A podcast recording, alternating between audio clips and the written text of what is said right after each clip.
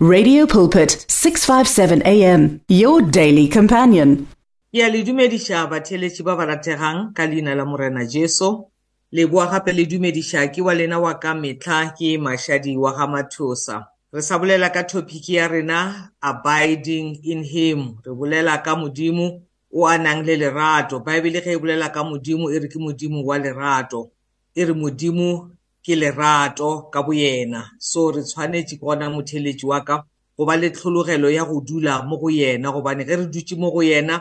re a tseba gore re ile go hwetša lerato re ile go hwetša phološo re ile go hwetša phodišo re ile go hwetša deliverance ra hwetša le provision ya gage moteletši wa ka dafita o bolela mantso ya gore ge ke dutse mo go yena if i dwell in the sacred place of the almighty you know I will say of the Lord, He's my refuge,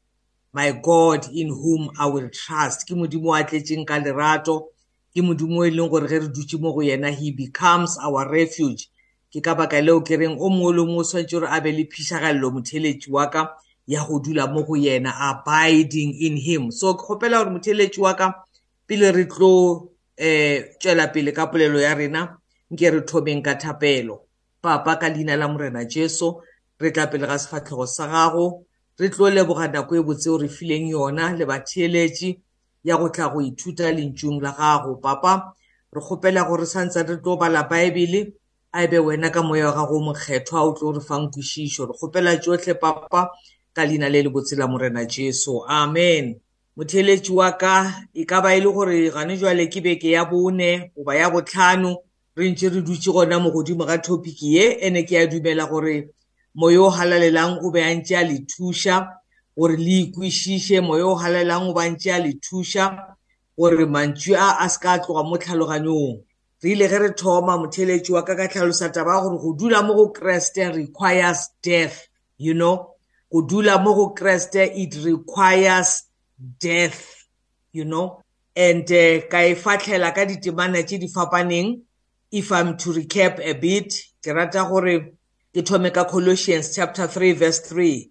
mo lentswe la modimo le bolelang mantswe a gore for you died to this life and your real life is hidden with christ in god wa bona botebo motheletsi wa ka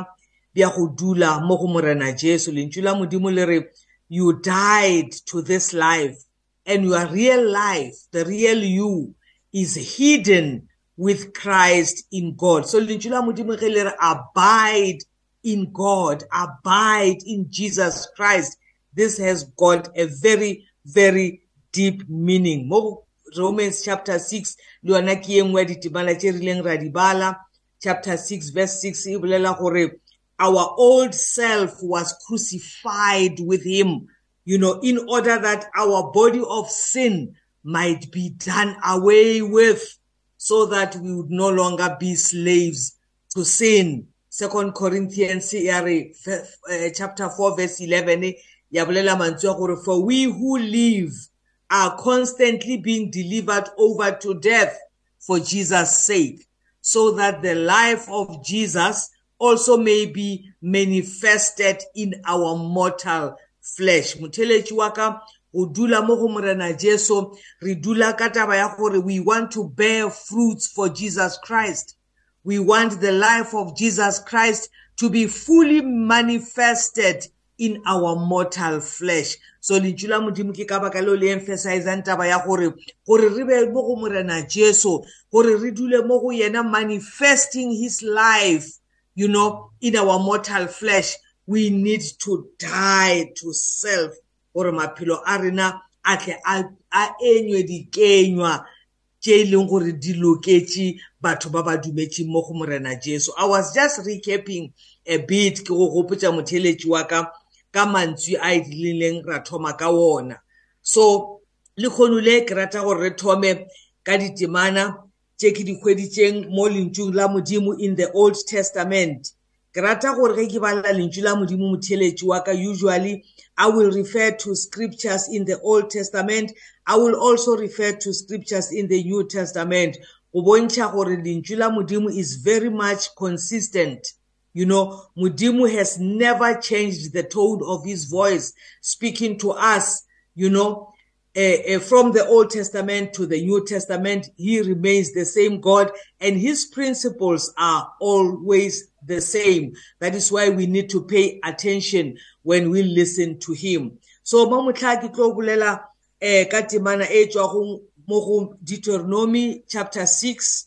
eh ge re thoma mo go verse 4 ke mantswe a Moshe o re hear o Israel the Lord our God the Lord is one o bolela ka modimo yena o kereng even his principles are consistent from the old testament to the new testament o re here o israel the lord our god is one mo verse 5 o re and you shall love the lord your god with all your heart motheletši wa ka ge re dutše mo go morena jesu lentšu la modimo le re tshwantse re mo fe dipelo tša rena ka moka moshe o re go iseraele o re le tla rata modimo wa lena ka dipelo tša lena ka moka ka meboya ya lena ka moka le ka maatla a lena ka moka these words i am commanding you today and are to be upon your hearts ke ka mokgwa o moshe a ileng a emphasiza taba ya gore ge re le mo go modimo we need to give him all our hearts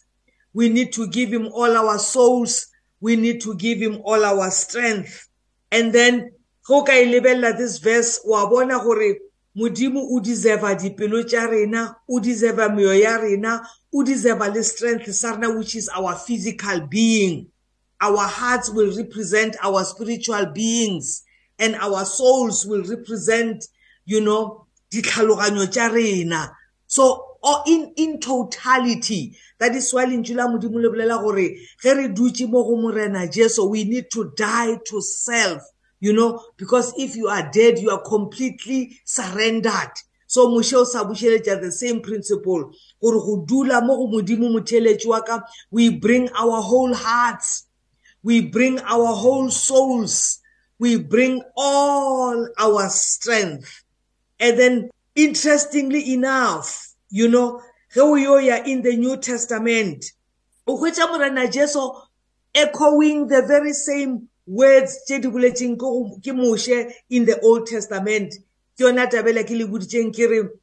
you know lentšu la modimo the principles of god are consistent from the old testament even into the new testament go bala mo go matthews chapter 22 verse 35 lentswe la modimo le bolela ka monna o e leng gore he was an expert in the law lentswe la modimo le re he tested the lord jesus christ with a question a ba botsiša morena jesu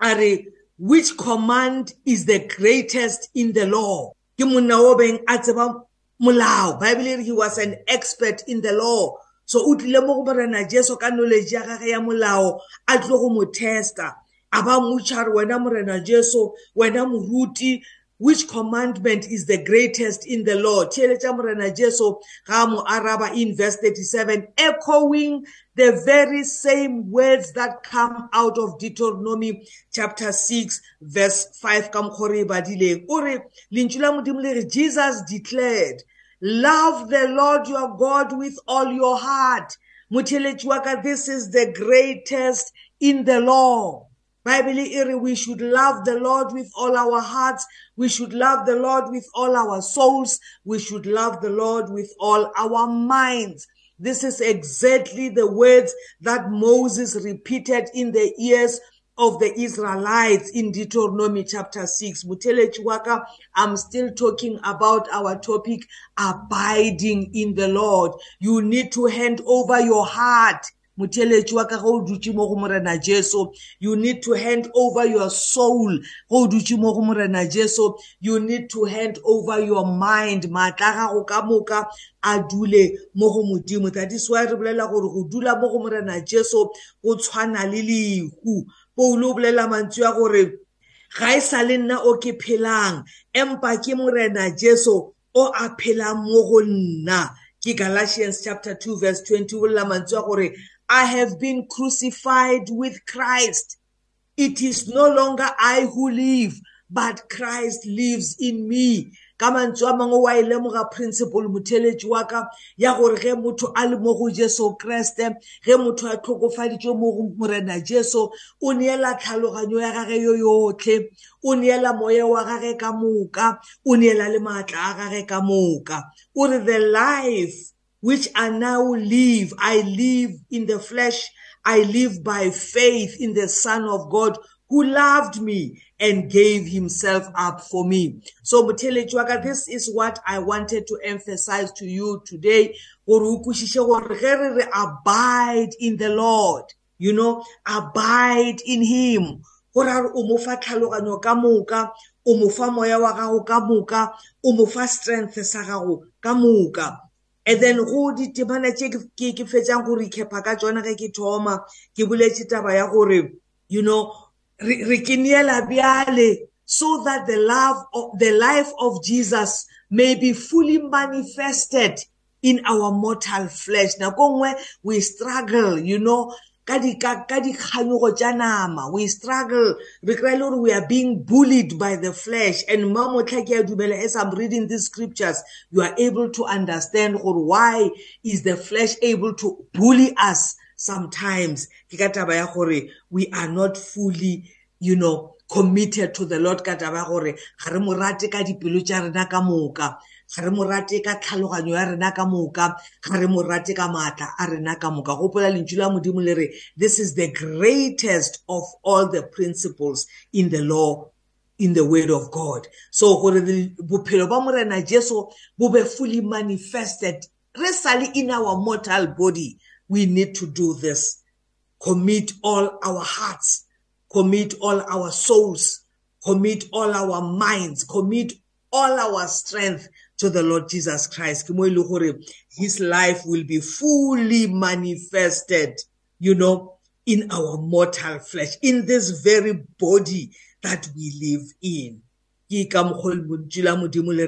Abide in him ke rata gore ke bušheletse le yona the scripture ye re felang re e bala mo morena jesu a neng a tlhalosa gore we need to abide in him ke mo go john chapter 15 lentswe la modimo ke mo morena jesu a bolela mantswe ya gore abide in me and i abide in you or just as no branch can bear fruit by itself unless it remains in the vine neither can you bear fruit unless you remain in me motheletjwa ka this is so clear you know There is no way we can fully manifest the life of Jesus Christ still in this body of flesh if we don't abide in him as the vine. And remember, it's abiding in him involves committing all our strength, committing all our our mind, committing all our hearts to Him. That is abiding in the Lord Jesus Christ. Uri, no branch can bear fruit by itself unless it remains in the vine. Neither can you bear fruit unless you remain in me. Ur, I am the vine and you are the branches. And the one who remains in me and I in him will bear much fruit for apart from me you can do nothing so motheletši wa ka unless we implement all these principles in our abiding the flesh will continue to bully us into living the life of sin so morena jesu o re fa a formula o re re dule mo go yena re mo rate ka ditlhaloganyo tša rena ka moka re mo rate ka maatla a rena ka moka re mo rate ka dipelo tša rena ka moka ke mo e leng gore we will be able to bear much fruit ke a dumela gore motheeletši wa ka these words are are becoming clearer, clear and clearer to you. Ge ntse ke repeater some of the scriptures ge ke bolela le lena. Lentswe la modimo le re we are crucified with Christ. Ga sa le rena ba re phelang re dutse mo go yena. Empa ke Kriste Jesu wa phela mo go rena so that his life, the life of Jesus Christ will be fully manifested in our mortal flesh motheletši wa ka nako e mpheletše emparisana le nako bekeng ye tlang gape ka labotlhano i encourage you to log in so that we can uh, uh, continue to learn ka yona taba ya go bolela taba ya gore we need to abide in the lord jesus christ in order to bear much fruit a modimo wa khutso a le tlhogonolofatše amen The words of the Lord are words of life. Your heart is on 657 AM. 657 AM. Radio for believers in action.